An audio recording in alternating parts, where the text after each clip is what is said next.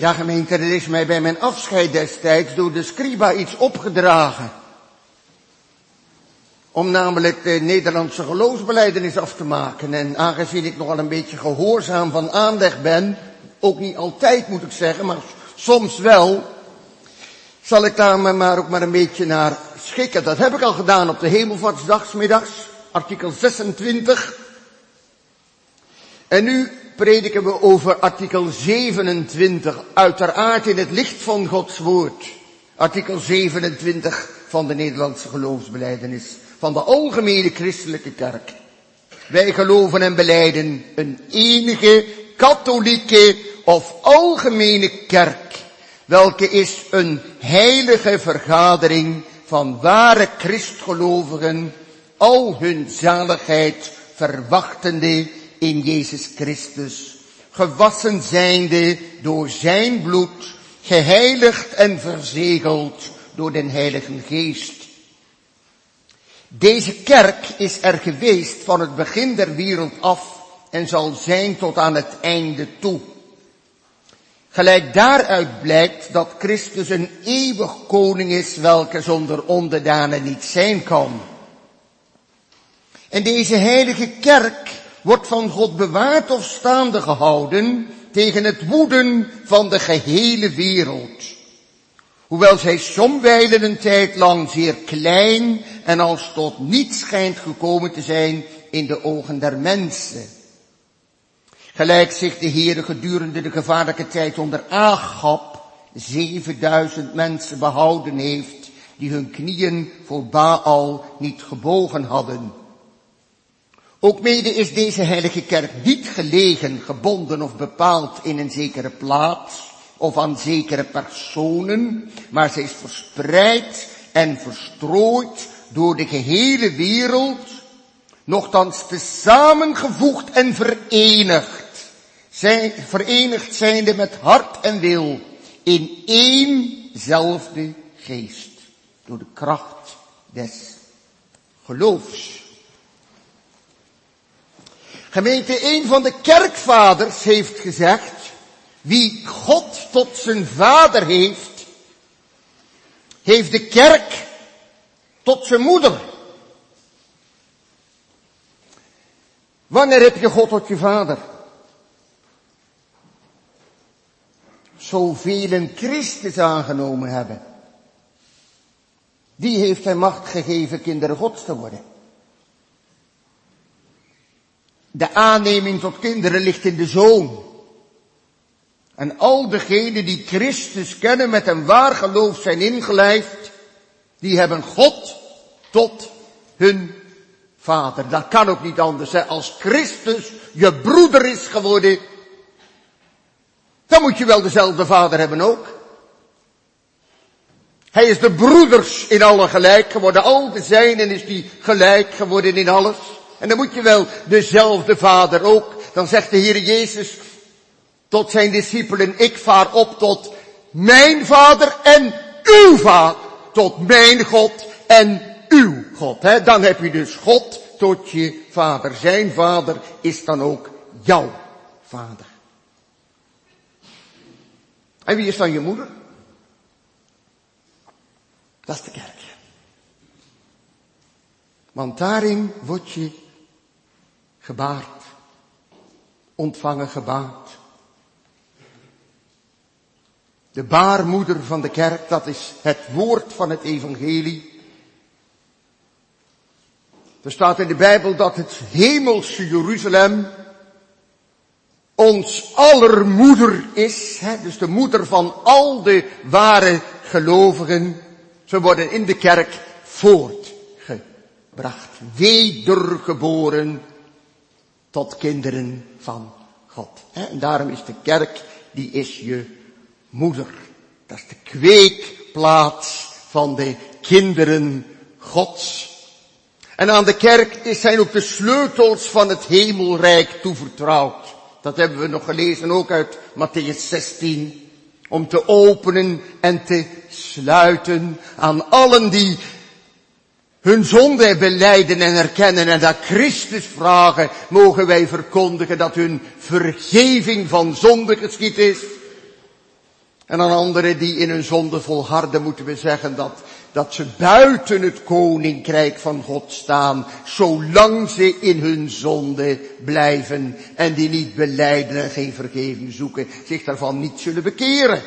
dus de kerk heeft ook de sleutels van het hemelrijk. Het is de kweekplaats van de gelovigen en haar zijn de sleutels van het hemelrijk toevertrouwd. En gemeente, die kerk, hoeveel zijn er die eigenlijk dan? Want ja, alleen op Urk heb je er 22. Dat is wel heel erg veel, hè? 22. De kerk, ja, die is heel verdeeld, zouden we zeggen. Hij heeft het alleen maar over Urk, heel Nederland. Engeland, Amerika. Waar, waar is de kerk eigenlijk niet verdeeld? Er zijn tal van kerkgenootschappen, ontelbaar vele. De reformatorische wereld is verdeeld. Nou, dat kun je op Urk ook zien. De evangelische wereld is verdeeld, dat kun je op Urk ook zien. Die is net zo verdeeld als de reformatorische wereld. Hoeveel kerken zijn er dan, dominee? Zijn er duizend of zijn er tienduizend over de hele wereld? Ik zou het niet weten, lieve mensen. Eén ding weet ik dat er maar één kerk is. Eén kerk. En die ene kerk, dat is de ene, enige katholieke of algemene kerk, welke is een heilige vergadering van ware christgelovigen, al hun zaligheid verwachtende in Jezus Christus, gewassen zijnde door zijn bloed, geheiligd en verzegeld door de Heilige Geest. Dus dan wordt eventjes door Guido de Bray in artikel 27 meteen eventjes gezegd wie er tot die kerk behoren. Er worden eventjes zomaar alvast de kenmerken opgenoemd van de kinderen Gods, die God tot een vader hebben en de kerk tot hun moeder. Want het is natuurlijk niet voldoende om in de kerk te zijn, je moet er van zijn. Er zijn talloos veel mensen in de kerk, wereldwijd. Maar hoeveel zijn er van de kerk, dat weet God alleen. Dat weet God alleen. Hij is de kenner der harten. Maar het komt er wel op aan dat jij het ook van jezelf weet. Of anderen je voor een waar lid van de kerk houden, daar komt het niet zo op aan. Anderen kunnen zich deerlijk vergissen. Sommigen houden jou er wel voor terwijl je het helemaal niet bent. En omgekeerd, hè, anderen zeggen, oh, die, die, die, niet hoor, die niet. Terwijl het toch een echt kind van God is. God weet het alleen. Nou, lees maar mee dan. Het is een heilige vergadering van ware christgelovigen. En dat woordje ware, dat staat er natuurlijk niet voor niets bij. Zoals de catechismus ook voortdurend vraagt naar een waar geloof. Schijn heb je niks aan. Je kunt jezelf er wel voor houden zonder het te zijn, daar heb je niks aan. Je kunt jezelf wel iets verbeelden, maar als je nooit tot Christus bent gekomen met je zonden en met je schuld, als Hij nooit jouw borg en zaligmaker geworden is, ja, dan ben je niet een ware Christgelovige. Dan hangt Jezus, die hangt er altijd nog zo'n beetje bij, hè. Ja, je, je hebt wel iets met Hem en met die naam, en je weet die naam is goed en heilig en zoet, maar er is geen hartelijke betrekking, geen geloofsbetrekking op de Christus. Er is geen stilletjes wandelen achter hem aan. Een heilige vergadering van ware christgelovigen. Al hun zaligheid verwachtende in Jezus Christus. He, dus ze verwachten hun zaligheid niet van zichzelf. Dat hebben ze afgeleerd. Ze verwachten hun zaligheid ook niet van mensen. Dat hebben ze ook afgeleerd. Ze bouwen alleen voor hun zaligheid nog maar op Jezus Christus. Het kenmerk van de kinderen Gods. Hè, dat je niet op twee gedachten neemt. Hè, deels Jezus en deels jouzelf. Deels jouw eigen gerechtigheid. Hè, deels Christus of, of deels op mensen vertrouwen. Nee, nee. Je verwacht het alleen van Hem. Dat is het kenmerk van de kinderen Gods. Ze zijn gewassen door zijn bloed. Ja, hoe nodig. Gewassen te zijn, wit gewassen in dat rode bloed van de middelaar. Dat kan. Hè. Wit gewassen in rood bloed. Dat kan. Verzegeld, geheiligd en verzegeld door de Heilige Geest. Ja, want dat is ook zo. Wie Christus door een waar geloof leert kennen, die ontvangt ook de Heilige Geest. Hè? Dat zegt Petrus ook op de Pinksterdag. Bekeert u en in ieder van u worden gedoopt in de naam van de Heer Jezus Christus. En gij zult de gave des Heiligen Geestes ontvangen. Hè? Dan, dan heb, krijg je ook de Geest als inwoner in je hart en in je leven. Geheiligd en verzegeld, verzegeld tot op de dag van de volkomen verlossing. Je bent dan verzegeld tot, tot de erfenis, tot het ontvangen straks van die grote erfenis van de hemelse zaligheid. Verzegeld door den Heilige geest. Dat is dus niet een aparte gewaarwording die een paar van Gods kinderen krijgen. Alleen de diep doorgeleiden, zoals dat soms hier en daar wel eens wordt voorgesteld, hè, die worden dan door de Heilige Geest verzegeld. En dat is dan een hele aparte beleving, een aparte gebeurtenis. Nee, zo spreekt de schrift daar niet over. Al Gods kinderen, allen die Christus waarachtig kennen, hebben ook de Heilige Geest ontvangen. Je kunt niet Christus hebben en de Geest niet. Je kunt ook niet de Geest hebben en Christus niet. Die horen altijd bij elkaar. Hè? Dus een heilige vergadering van ware Christgelovigen. Al hun zaligheid verwachtende in Jezus Christus. Gewassen zijnde door zijn bloed. Geheiligd en verzegeld door de Heilige Geest. Dat is de kerk. En het woord kerk, dat is voor ons heel gewoon, wij noemen het kerkgebouw, noemen we ook kerk. De gemeente waarbij we horen noemen we de kerk en het kerkverband noemen we de kerk. Wat betekent dat woord kerk eigenlijk? Wist u dat dat uit het Grieks komt? Het woord kerk. In het Grieks is het kuriake. Kuriake. En als je dat vaak achter elkaar zet, dan komt er vanzelf kerk uit wat van de Heere, van de Curios is. Dat is de kerk. Wat van de Heere is. Dus wat Christus zijn eigendom is. En die kan er per definitie maar één zijn, lieve mensen. Het is onmogelijk dat er meer dan één kerk is met een hoofdletter. Er zijn wel vele kerkverbanden, maar er kan maar één kerk zijn met een hoofdletter. Waarom? Omdat Christus het hoofd is van die kerk. En hij is niet een hoofd van vele lichamen. Dat hoofd heeft maar één lichaam. En hij is ook de koning van de kerk. En hij heeft niet vele koninkrijken, hij heeft maar één koninkrijk. Er zijn wel vele ledematen in het lichaam. Er zijn wel vele onderdanen in dat koninkrijk. Maar het is maar één lichaam en het is maar één koninkrijk. Jezus Christus kan niet meerdere lichamen hebben. En ook niet meerdere koninkrijken. En die kerk is heilig omdat ze uit de wereld is uitgeroepen. Geroepen uit deze wereld tot het koninkrijk van de Zoon van Gods liefde. Daarom is ze heilig. Niet omdat ze zulke heilige boontjes zijn allemaal in die kerk. Ook Gods kinderen zijn niet altijd zulke heilige boontjes.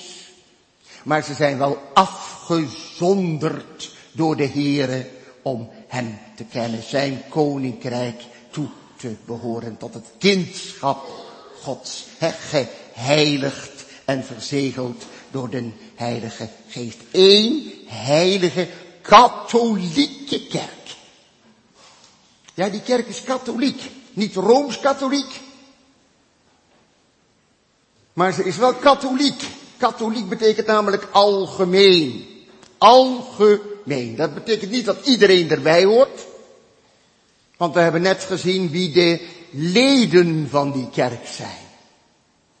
Welke kenmerken er zijn van de leden van de ware kerk met een hoofdletter. Dat hebben we net gezien. Daar hoort niet iedereen bij. Dat is duidelijk gemeente. Maar ze is toch wel algemeen daarin dat eigenlijk iedereen erbij kan behoren.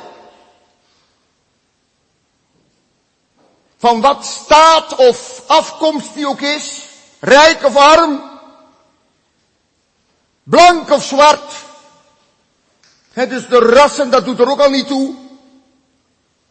Iedereen kan er man en vrouw, jongen en meisje, allen kunnen erbij behoren, ook al behoren ze er nu nog niet bij. Ze kunnen er nog bij komen. De grootste bandiet van nu, die kan morgen tot bekering komen. U weet nog nooit wat er van wordt. U hebt hem misschien al lang afgeschreven. Zeggen, nou, dat, dat, dat, dat, dat zal nooit niks worden. Maar, maar dat kun je, dat kun je eigenlijk niet doen, hè? Dat kun je eigenlijk niet doen, want morgen kan het gans anders zijn. Dan kan die een lidmaat zijn van de ene heilige algemene christelijke kerk. Dat kun je maar nooit, dat kun je maar nooit weten. Zolang als ze in het leven zijn, is er hoop. Dat is katholiek, hè? Dat, dat je niemand bij voorbaat erbij uitsluit. Want ze is van alle talen, tongen, naties en volken, van alle rassen en standen. En bovendien is de katholieke kerk een kerk die al de leer Gods handhaaft.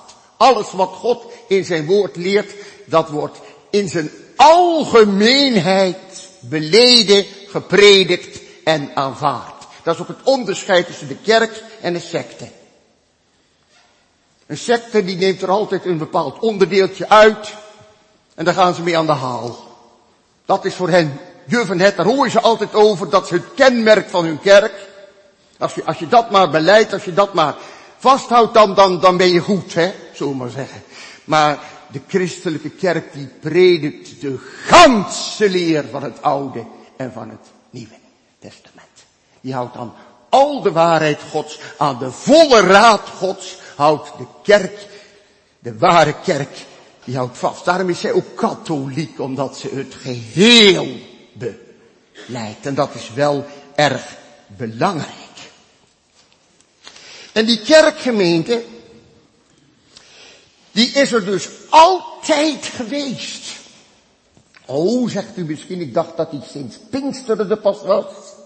Toen de Heilige Geest werd uitgestort. Nou, toen is die uitgebreid verwijt geworden, ook tot de volkeren.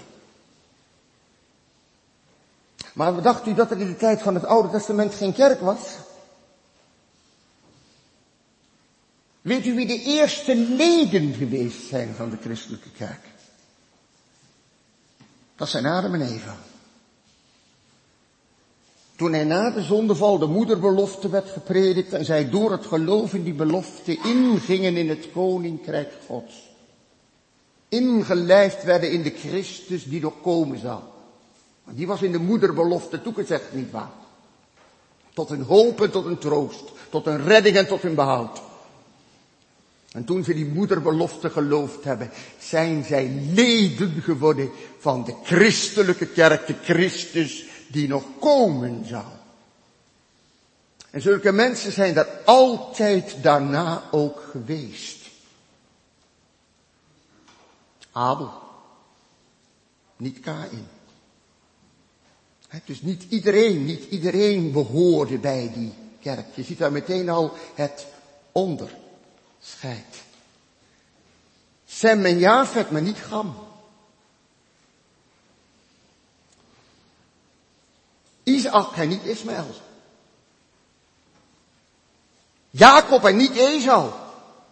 Ja, die hoorden wel uitwendig bij de kerk. Ze hadden wel deel aan het verbond en aan de beloften, zeker, zeker ook ook hun golden de beloften van het evangelie. Ze zijn door eigen schuld er buiten gekomen. Dat is zeker, zeker waar. Maar je ziet dus dat, er, dat het nooit zo geweest is dat alles Israël was wat Israël heette te zijn. Dat zie je toch helaas het hele Oude Testament door. Tot op de komst van de zaligmaker toe. He, zie je dat toch? He, dat, dat er maar zo weinigen in Israël. Toen Jezus kwam, wie verwachtte hem eigenlijk toen nog? Ja, Simeon en Anna. Ja, die wel. Zacharias en Elisabeth en, en, Maria en Jozef en zo nog een aantal te Jeruzalem. Er waren er nog meer, maar, maar het was niet de grote massa van het volk. Die verwachten een hele andere Messias. Die kenden de schriften niet. En gemeente, zo is het eigenlijk alle eeuwen door geweest. Hè? Er is altijd kaf tussen het koren geweest. Altijd kaf tussen het koren. En je kunt het kaf en het onkruid er ook niet uithalen zomaar. Hè? Dat, dat kan niet zomaar. Jezus heeft ook gezegd in de gelijkenis, dat moet samen opgroeien tot de oost en dan zullen de engelen dat doen. Die zullen dat doen. Hè? Maar onder het Oude Testament is er dus ook in Israël, binnen Israël, een kerk geweest, een heilige vergadering van christgelovigen die al hun zaligheid in de Christus die beloofd was verwachten en die ook zagen naar zijn reddende bloed, hè, waarvan de offeranden al getuigenis aflegden en zij hadden ook de Heilige Geest op zich. want de Heilige Geest was ook in het Oude Testament al werkzaam. Denk maar aan David die bidt in Psalm 51, laat uw heilige geest niet van mij scheiden. Dus ook toen heb je voortdurend een christelijke kerk gehad. Maar met Pinksteren is hij uitgebreid. Toen zijn ook de volkeren in het verbond Gods opgenomen. En ja, wij leven nu in een tijd dat eigenlijk het grootste deel van de wereld al wel met het evangelie bereikt is. Niet dat alle mensen ervan gehoord hebben, maar wel in alle volkeren is er wel een kerk. Overal wel. Maar gemeente, het is nog steeds een kerk waarvan je niet kunt zeggen, ja, maar dat zijn, dat zijn allemaal ware gelovigen, hè. Dat kunnen we van onze gemeente ook niet zeggen, vrees ik. Niet dat ik het precies weet wie wel en wie niet. Ik ben ook geen hartekenner. Ook al heb ik hier zeven jaar als predikant gestaan, ik ben geen hartekenner. Maar gemeente, er is nooit ergens een gemeente of een kerk die alleen maar het ware gelovigen bestaat. Als mensen dat beweren, soms hoor je dat wel eens, wij zijn een kerk van enkel kinderen van God. Ik geloof er helemaal geen ene snars van. Dat is hoogmoed, als je dat zegt. Wij zijn alleen maar kinderen van God. Denk eens aan Noach met zijn zonen. Ze zaten met zijn achten in de ark. En verdraait nog aan toe, daar zat een, verkeerde tussen. Gam. Denk eens aan de apostelen van onze Heer Jezus Christus. Hè. Daar zat een Judas tussen. Hè. Wat nooit iemand had gedacht, daar zat een Judas tussen. En dat kwam openbaar ook. Dat kwam ook bij Gam, kwam dat openbaar. Een, een, een gemeente of een kerkverband van enkel ware kinderen van God. Nou, dat kun je wel beweren, maar dat is hoogmoed. Jezus zegt, het moet samen opgroeien tot de oogst. En dan zullen de engelen zullen het koren scheiden van het kaf. Dan gaat het koren in de schuur en het kaf gaat en het onkruid ook, dat gaat in het vuur. Die kerk is er dus altijd geweest, maar ze kan ook wel eens heel klein en tot niet worden in de ogen der mensen. Daar geeft Guido de Brij ook een voorbeeld van. Je zou ook het voorbeeld van Noach kunnen noemen. Ik noemde dat zelf eigenlijk net ook al een beetje, tipte ik dat aan. Een kerk van acht personen, nou dat is niet zoveel hè. Jongen nog aan toe. Een kerk van acht personen. Want de hele andere mensheid die kwam op. Acht personen zaten ze daar in de ark. Nou, dan zijn wij hier vanmorgen met heel wat meer. Acht personen.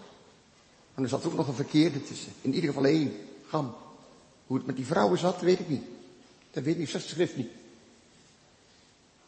En in de dagen van Elia, in die gevaarlijke tijd, toen Izebel het voor het zeggen had in Israël. Want Agab, Agab was eigenlijk maar een, een, hondje van, van, van, van, van Izebel. Hè? Een hondje dat zich liet leiden, aan een touwtje liet leiden door Izebel. Die, die had het voor het zeggen. Dat was er met haar op de tanden. En die zocht al de profeten des Heren om te brengen. En Elia, u weet het wel, Elia, hij dacht, ik ben maar alleen overgebleven. De kerk is nou tot mij alleen nog beperkt. In een zielig moment dacht hij dat. Had het mis. Er waren er nog 7000 die de knieën voor de Baals niet gebogen hadden, zegt de Heer. En, en nou is 7000 toch ook nog niet zo heel veel. Op een heel volk van twaalf stammen. En dan 7000 die hun knieën niet gebogen hebben voor de Baals. Nou, dat is toch eigenlijk ook al schrijnend weinig. Toen de kerk dus tot zo'n klein getal was gekomen. Hè? Verminderd door, door de haat van Izebel en van Agab. Die, die de Baals wilde promoten. En die de dienst van de Heer eigenlijk helemaal wilde uitbannen uit Israël. Is niet gelukt. Er waren toch nog 7000 overgebleven. En wat dacht u gemeente bijvoorbeeld in de ballingschap? Toen was het ook niet zo'n wereld hoor. Ja, er zijn wel mensen in de ballingschap ook gelukkig tot bekering gekomen. Maar toen de ballingschap begon, voor de ballingschap, voordat Jeruzalem viel, wat was het toch ellendig weinig, hè? Jeremia heeft erover geklaagd. Dat er nagenoeg geen mensen waren die naar de stem van God wensten te horen. Toen was de kerk ook zo mini, mini, minimaal geworden, niet waar? In de ogen der mensen tenminste. Hè? In onze ogen, we zeggen het is maar een klein getal. Maar in Gods ogen, in Gods ogen is een kerk dierbaar hoor is zijn kerk groot. Al zou die maar bestaan uit één persoon. Al zou Elia maar alleen overgebleven zijn. Dat was niet zo. Maar dan zou het maar Elia alleen geweest zijn. Reken erop gemeente dat dat dierbaar, kostbaar geweest zou zijn in de ogen van God. Maar in de ogen van de mensen zeggen we dat is niks. Wat stelt dat nou nog voor? En heeft de Heer Jezus niet gezegd? De zoon des mensen, als hij komt,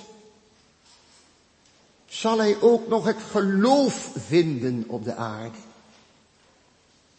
Het geloof van die weduwe, die weduwe die bleef vragen, doe mij recht, doe mij recht, doe mij recht, en bij die onrechtvaardige rechter. Zulk geloof zal die dat nog vinden. Het geloof ook van die tollenaar in de tempel, dat zat er vlak achter. De tollenaar in de tempel, oh God, wees mij zondaar genade. Zal hij dat geloof nog vinden op de aarde? Ja, gemeente, dat is het antwoord. Hij zal het vinden. Hij zal het vinden. Maar Jezus geeft er wel mee aan dat het, dat het soms met een lampje gezocht moet worden. Dat, dat het niet her en der, niet overal te vinden is. Het zal zeker niet algemeen zijn. Maar de kerk zal er zijn van het begin van de wereld tot aan het einde van de wereld. Eenvoudigweg, lieve mensen, omdat Jezus Christus een eeuwig koning is, wiens heerschappij geen einde zal hebben. En een eeuwig koning, die kan niet zonder onderdanen zijn. Het hoofd kan niet zonder het lichaam wezen. Dat kan niet. En dan kun je natuurlijk wel zeggen van ja, maar er is toch ook nog een triomferende kerk. Al zou er dan op de aarde niemand meer zijn, dan is er nog een kerk in de hemel. Dat is waar, hè? er is een triomferende kerk. En er is een kerk van nu. En er is ook nog een kerk van de toekomst. En de kerk van nu, dat noemen we de strijdende kerk. Nou leggen we dat nog wel eens verkeerd uit, hè, dat strijdende kerk. Het lijkt er soms in de kerken wel eens op dat dat strijden de kerk inhoudt dat we elkaar de tent uitvechten. En dat is de bedoeling niet van het woord strijdende kerk. Strijdende kerk wil zeggen dat ze strijden voor het geloof dat ons eenmaal is overgeleverd. dat we strijden tegen de zonden en tegen de duivelen, tegen de wereld en niet tegen elkaar. De strijdende kerk is, is vaak wel al te zichtbaar in de verkeerde zin van het woord. Hè? Nee, de strijdende kerk is de kerk die hier is in het strijdperk van dit leven. Er is ook nog een kerk die nog binnen moet worden gehaald. Hè? Want er zijn, de, de bezuin heeft nog niet geklonken. De bezuin heeft nog niet geklonken. Er, er moeten er nog toegebracht worden. De kerk van de toekomst. En naarmate de eeuwen verstrijken, wordt die kerk eigenlijk steeds kleiner. Hè?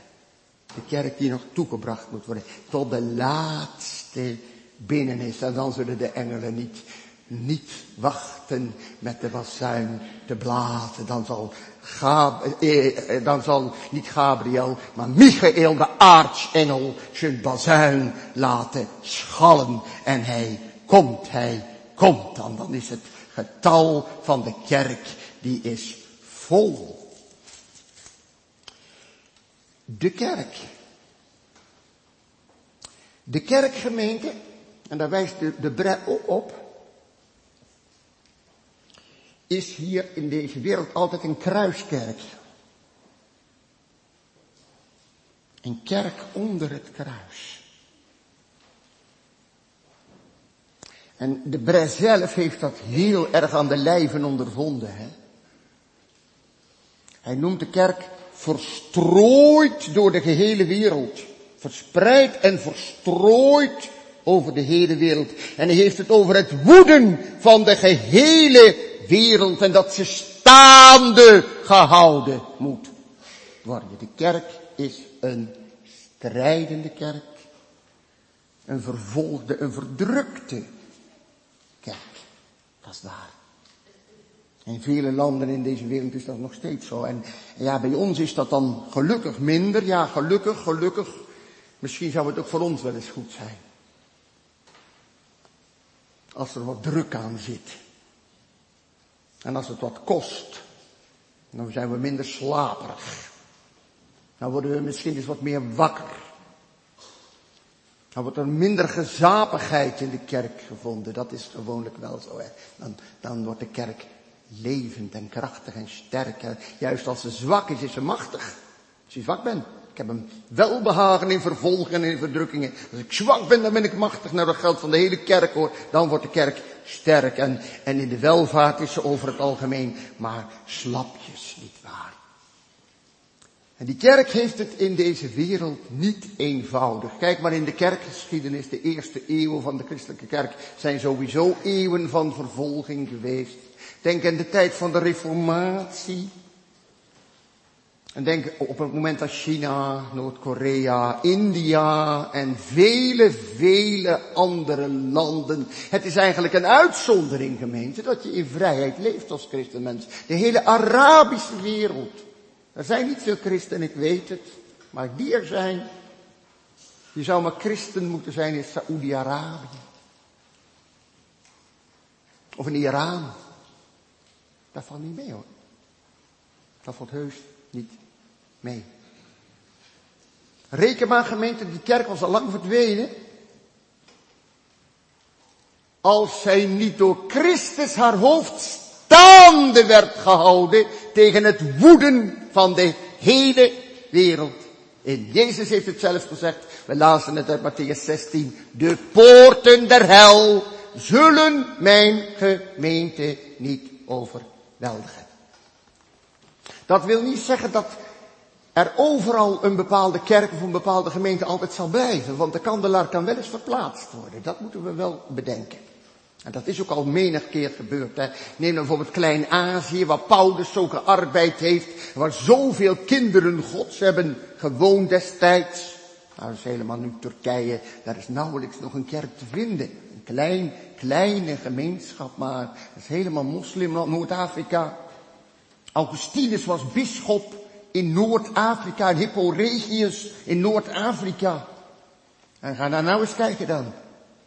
Er is nauwelijks nog een kerk te vinden in Noord-Afrika. in Egypte dan nog wel, maar anders in die andere landen maar heel, heel, heel weinig, heel sporadisch. Dus de kandelaar kan zich verplaatsen. Wij moeten niet denken, wij hebben de kerk nog, dus zal die er wel altijd blijven. Ook op Urk moeten we dat denken. Dat zou hoogmoed zijn. Christus zegt tegen de gemeente van Efeze die haar eerste liefde had verlaten. Dan zegt hij, bekeert u. En zo niet, ik, ik zal komen en de kandelaar weren van haar plaats. En Sardis, die de naam had dat ze leeft, maar ze was dood. Daar zegt de Heer Jezus tegen, versterk het overige dat sterven zou. Er is nog weinig bij jullie wat leeft, hè? Nog, het, nog het een en ander, maar versterk dat, want, want, want uw werken zijn niet volgevonden voor God. En tegen de gemeente van Laodicea, gij zijt, gij zijt lauw en, en, niet koud of heet, ik zal je uit mijn mond spuwen. Hè? Dus, dus het is niet vanzelf, voor vanzelfsprekend, dat de gemeente, de kerk in een bepaalde plaats altijd waar blijft. Ook op Urk niet. Hè? Maar wereldwijd gezien, als de kandelaar hier zou worden weggenomen, wat God zou mogen verhoeden, gemeente, wat God zou mogen verhoeden, dat is onze beden. Als die kerk hier zou worden weggenomen uit West-Europa, en die is duidelijk in de vermindering, ja, dan bloeit ze elders weer op. Tegen de druk in, in China, en in India en al die landen, in Afrika, in Zuid-Amerika, dan, dan gaat ze daar juist, dan komt ze juist daar, komt ze bovendrijven, want God houdt zijn kerk staande, ze wordt van God bewaard en staande gehouden tegen het woede van de hele wereld. Ja, ze kan wel eens heel klein worden, dat staat er ook. En, en dat kan ook in onze tijd gaan gebeuren. Maar ze zal er blijven, niet waar. En dan staat er ook nog iets over dat die heilige kerk niet gelegen, gebonden of bepaald is in een zekere plaats of aan zekere personen. Ja, u voelt wel gemeente, daar strijdt natuurlijk Guido de Brij enigermate tegen de Rooms-Katholieke Kerk. Want die heeft van katholiek Rooms-Katholiek gemaakt. Gebonden aan Rome. En dat kan natuurlijk niet, hè. Een katholieke kerk, een algemene christelijke kerk, die kan niet aan een bepaalde plaats gebonden zijn. Je bent katholiek. En dus algemeen. Nou, dat kan Rooms-katholiek kan eigenlijk helemaal niet. Dat is een tegenstrijdigheid, een innerlijke strijdigheid. Want dan, dat is gebonden aan een bepaalde plaats.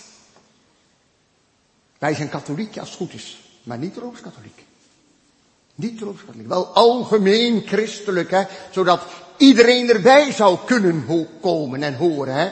Dat, dat zou moeten kunnen hè, in de kerk. Iedereen, iedereen kan een lidmaat van de kerk worden, ook al is hij het nu nog niet. Hij kan ook zelfs een waar christenmens worden. Niet alleen in de kerk, maar, maar ook nog van de kerk. Jazeker, dat, dat kan. En, maar die kan niet gebonden zijn aan een bepaalde plaats. En als die al gebonden zijn, zou zijn aan een bepaalde plaats, dan zou Jeruzalem er eerder voor in aanmerking komen dan Rome.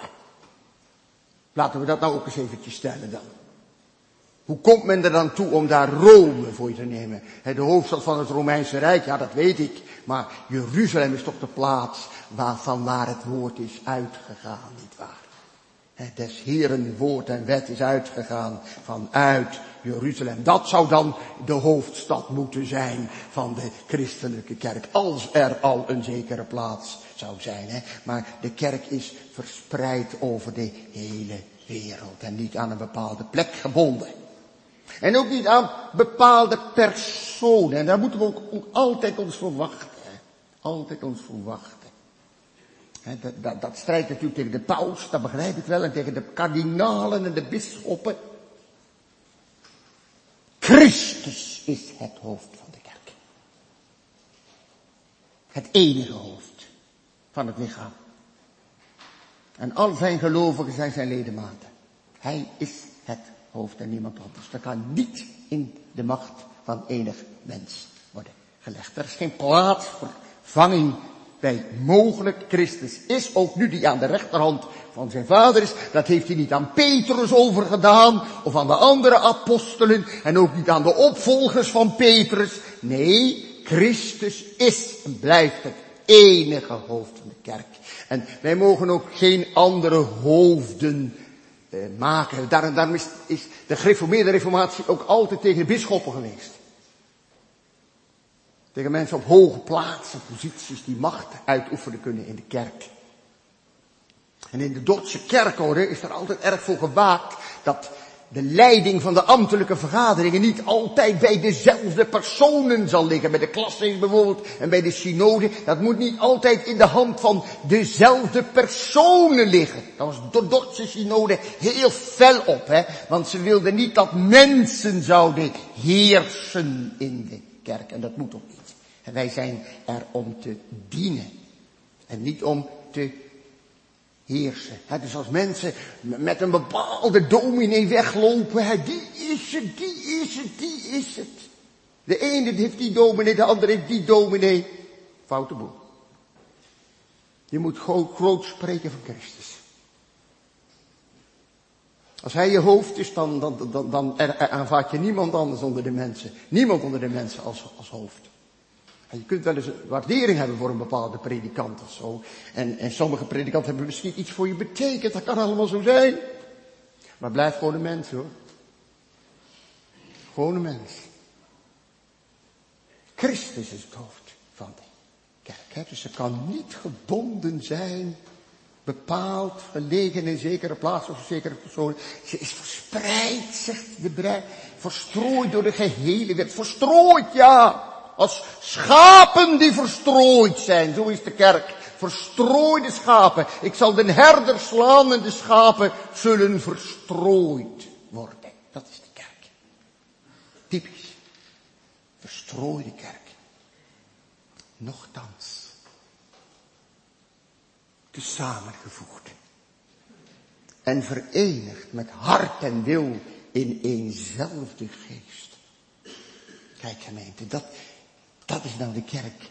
De kerk die, die is één van zin en één van willen. Die spreken dezelfde taal. Die spreken allemaal de talen van Canaan. Maar dat moet je niet opvatten in de zin van ouderwetse taal of zo. Zoals dat wel eens gebeurt. De talen Canaans, dat zijn woorden van honderd jaar geleden. Nee, de taal van Canaan, dat is het zuivere evangelie. Dat is het zuivere evangelie.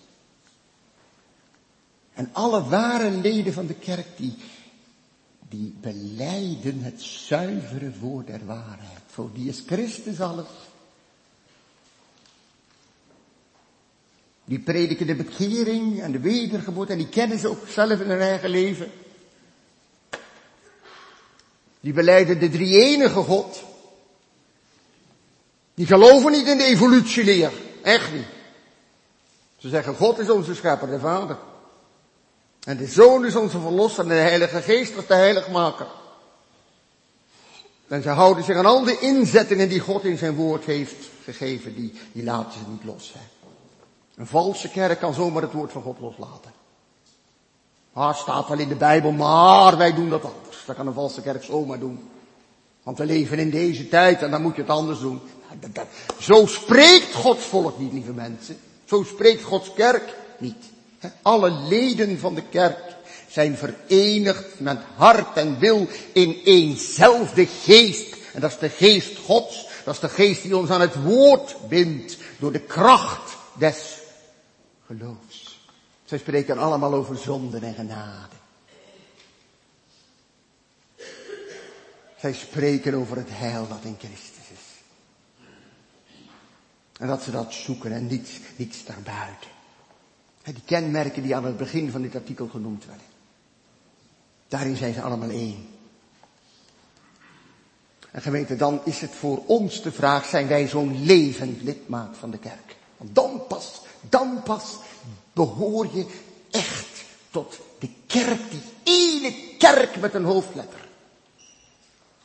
En dan vallen ook kerkmuren weg. Dat is ook zo. Dan vallen ook kerkmuren weg. Kerkmuren hebben wel hun oorsprong, hè, die zijn ergens ontstaan. Soms ook wel ontstaan uit omwille van het woord. Omdat het niet anders kon, omdat het moest. Omdat het niet één kon blijven, om des woords willen.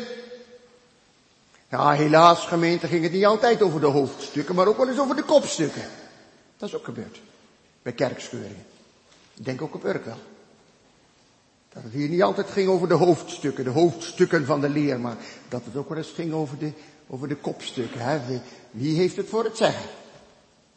Mannen van aan. En dat is niet goed, hè?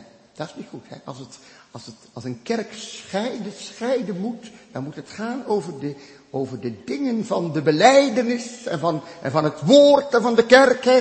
De, de wezenlijke dingen van de kerk. Daar moet het over gaan. Dan zien we helaas dat de kerk heel erg verscheurd is hè, en verdeeld is. En daar kunnen we ons nooit zomaar, zomaar bij neerleggen, bij, bij de verscheurdheid van de zichtbare kerk. Maar gemeente, zij is in Christus één. Hè, al degenen die in welke kerk dan ook hem van harte beleiden. En die inderdaad Jezus Christus al hun zaligheid in hem verwachten, gewassen zijnde door zijn bloed en verzegeld en geheiligd door de Heilige Geest. Hè, die daar, die daarin mogen leven door Gods genade. Die reik ik de hand. Over de kerkburen heen. Rijken we elkaar dan de hand. En waar het kan en mag, zouden we die muren ook wel omver willen halen. Want er staan wel muren die eigenlijk helemaal niet nodig zijn. Die staan er. Die eigenlijk ook wel omgehaald kunnen worden. God geven dat het nog eens gebeuren mag. En dat de nood van de tijd ons bij elkaar brengt. Dat hoop ik. Dat hoop ik van harte. Maar hoe het ook zij, gemeente. Ook al moeten we dan nu stellen met, met de situatie die we hebben.